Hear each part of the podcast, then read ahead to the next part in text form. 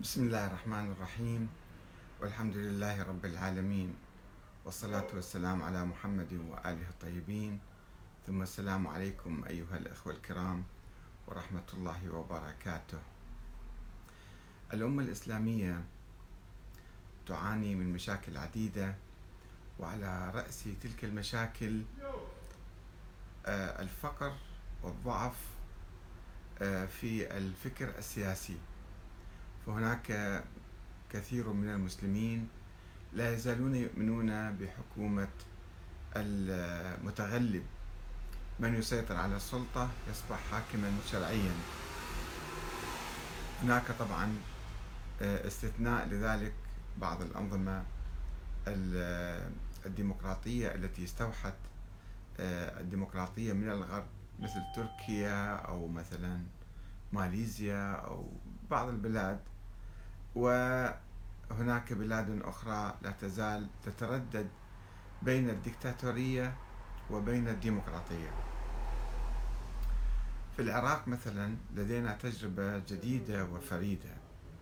آه، مراجع الشيعة الفقهاء الشيعة عبر ألف سنة تقريبا كانوا يؤمنون بنظرية انتظار الإمام الغائب. لكي يشكل الحكومة المثالية الإسلامية العالمية حكومة العدل الإلهي المطلقة. ولكن بما أن هذا الإمام لم يظهر ولم تتحقق هذه الحكومة فقفز بعض العلماء إلى الشاطئ الآخر وتبنوا الحكومة المدنية. الديمقراطية مثل السيد السيستاني في العراق بعد 2013 2003 أه ولكن لا يزال الفكر الشيعي خصوصا يتذبذب بين أه الإيمان بالمرجعية الدينية ولها سلطات واسعة وسلطات كبيرة يعني وصلاحيات واسعة أه تشبه الدكتاتورية أو تكون بالحقيقة يعني تتضمن الدكتاتورية. وبين الفكر الديمقراطي. الفكر الديمقراطي التجربة الديمقراطية بالعراق لا تزال متلكئة ومضطربة وفيها مشاكل. لأنه الذي قاد العملية السياسية ودعا لهذا الدستور وهذه التجربة الديمقراطية لم يكن يمتلك تفاصيل دقيقة عن النظام الديمقراطي الأفضل. فتم سلق العملية السياسية واقرار دستور على عجل.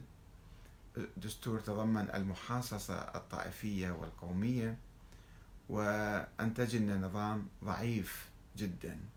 لا يستطيع رئيس الوزراء أو رئيس مجلس الوزراء أن يفرض رؤية معينة على الوزراء. لأن كل وزير تابع لحزب معين أو مجموعة وزراء تابعين لحزب معين وهؤلاء يفرضون سلطتهم ورؤاهم ويفعلون ما يريدون وبالتالي أصبح رئيس وزراء ضعيف وهذا أدى إلى ضعف النظام العراقي كثيرا. آه نجي إلى آه، الفكر المرجعي. كان المفروض يعني عندما نؤمن بالنظام الديمقراطي أن آه، يعني ننتقل تماما لهذا النظام ولكن الذي حدث أنه قطاعات كبيرة من الشعب العراقي آه، من الشيعة عموما يعني أقصد آه، تؤمن بالفكر المرجعي. أن المرجع هو يمتلك الشرعية الدينية الشرعية الدستورية وهو فوق شرعيته فوق شرعية النظام. إذا قال اذهبوا انتخبوا أيدوا هذا النظام فالناس يسمعوا له. وإذا قال لا هذا النظام باطل ما يجوز مثلا. كما كانوا يقولون العلماء ألف سنة علماء الشيعة كانوا يقولون تحرم إقامة الدولة في عصر الغيبة. ما يجوز واحد يقيم نظام ديمقراطي الديمقراطية حرام. أه، وكان الناس يقلدوهم لأنهم يسمعون كلامهم. وعندهم فتوى معينة أنه عمل العامي بلا تقليد ولا احتياط باطل. فعلى كل إنسان غير مجتهد أن يقلد العلماء. المفروض في هؤلاء العلماء أن يكونوا